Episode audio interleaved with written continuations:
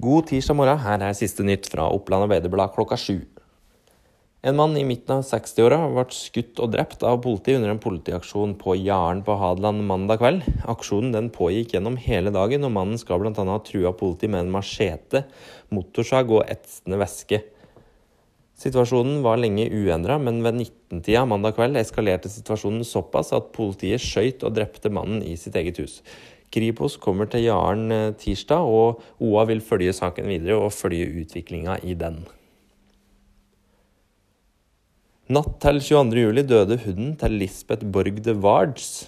Det var tre dager etter at hunden hadde blitt operert hos veterinær. Hunden ble dårlig etter operasjonen, og legen som hadde operert hunden, sa hun måtte ringe veterinærvakt hvis situasjonen ble verre.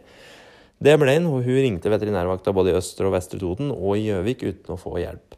Nå stiller hun spørsmålstegn ved veterinærvaktordningen, eh, som norske kommuner fra 18.6 i år har fått tilskudd til å drive med. Les mer om denne historien og problematikken rundt veterinærvakta på oa.no. Det er innkalt av pressekonferanse etter bortføring av Anne Elisabeth Hagen i Lørenskog. Det er bistandsadvokat Svein Holden som skal møte pressa i dag klokka tolv. Tema for pressekonferansen er utviklingen i saken rundt uh, Anne-Elisabeth Hagen, og, og politiet har innkalt til pressekonferanse seinere tirsdag. Det har gått over ni måneder siden hun ble bortført, og um, siden har ingen fått livstegn fra kvinnen, som er fra Gjøvik. Følg med på oa.no utover dagen. God tirsdag.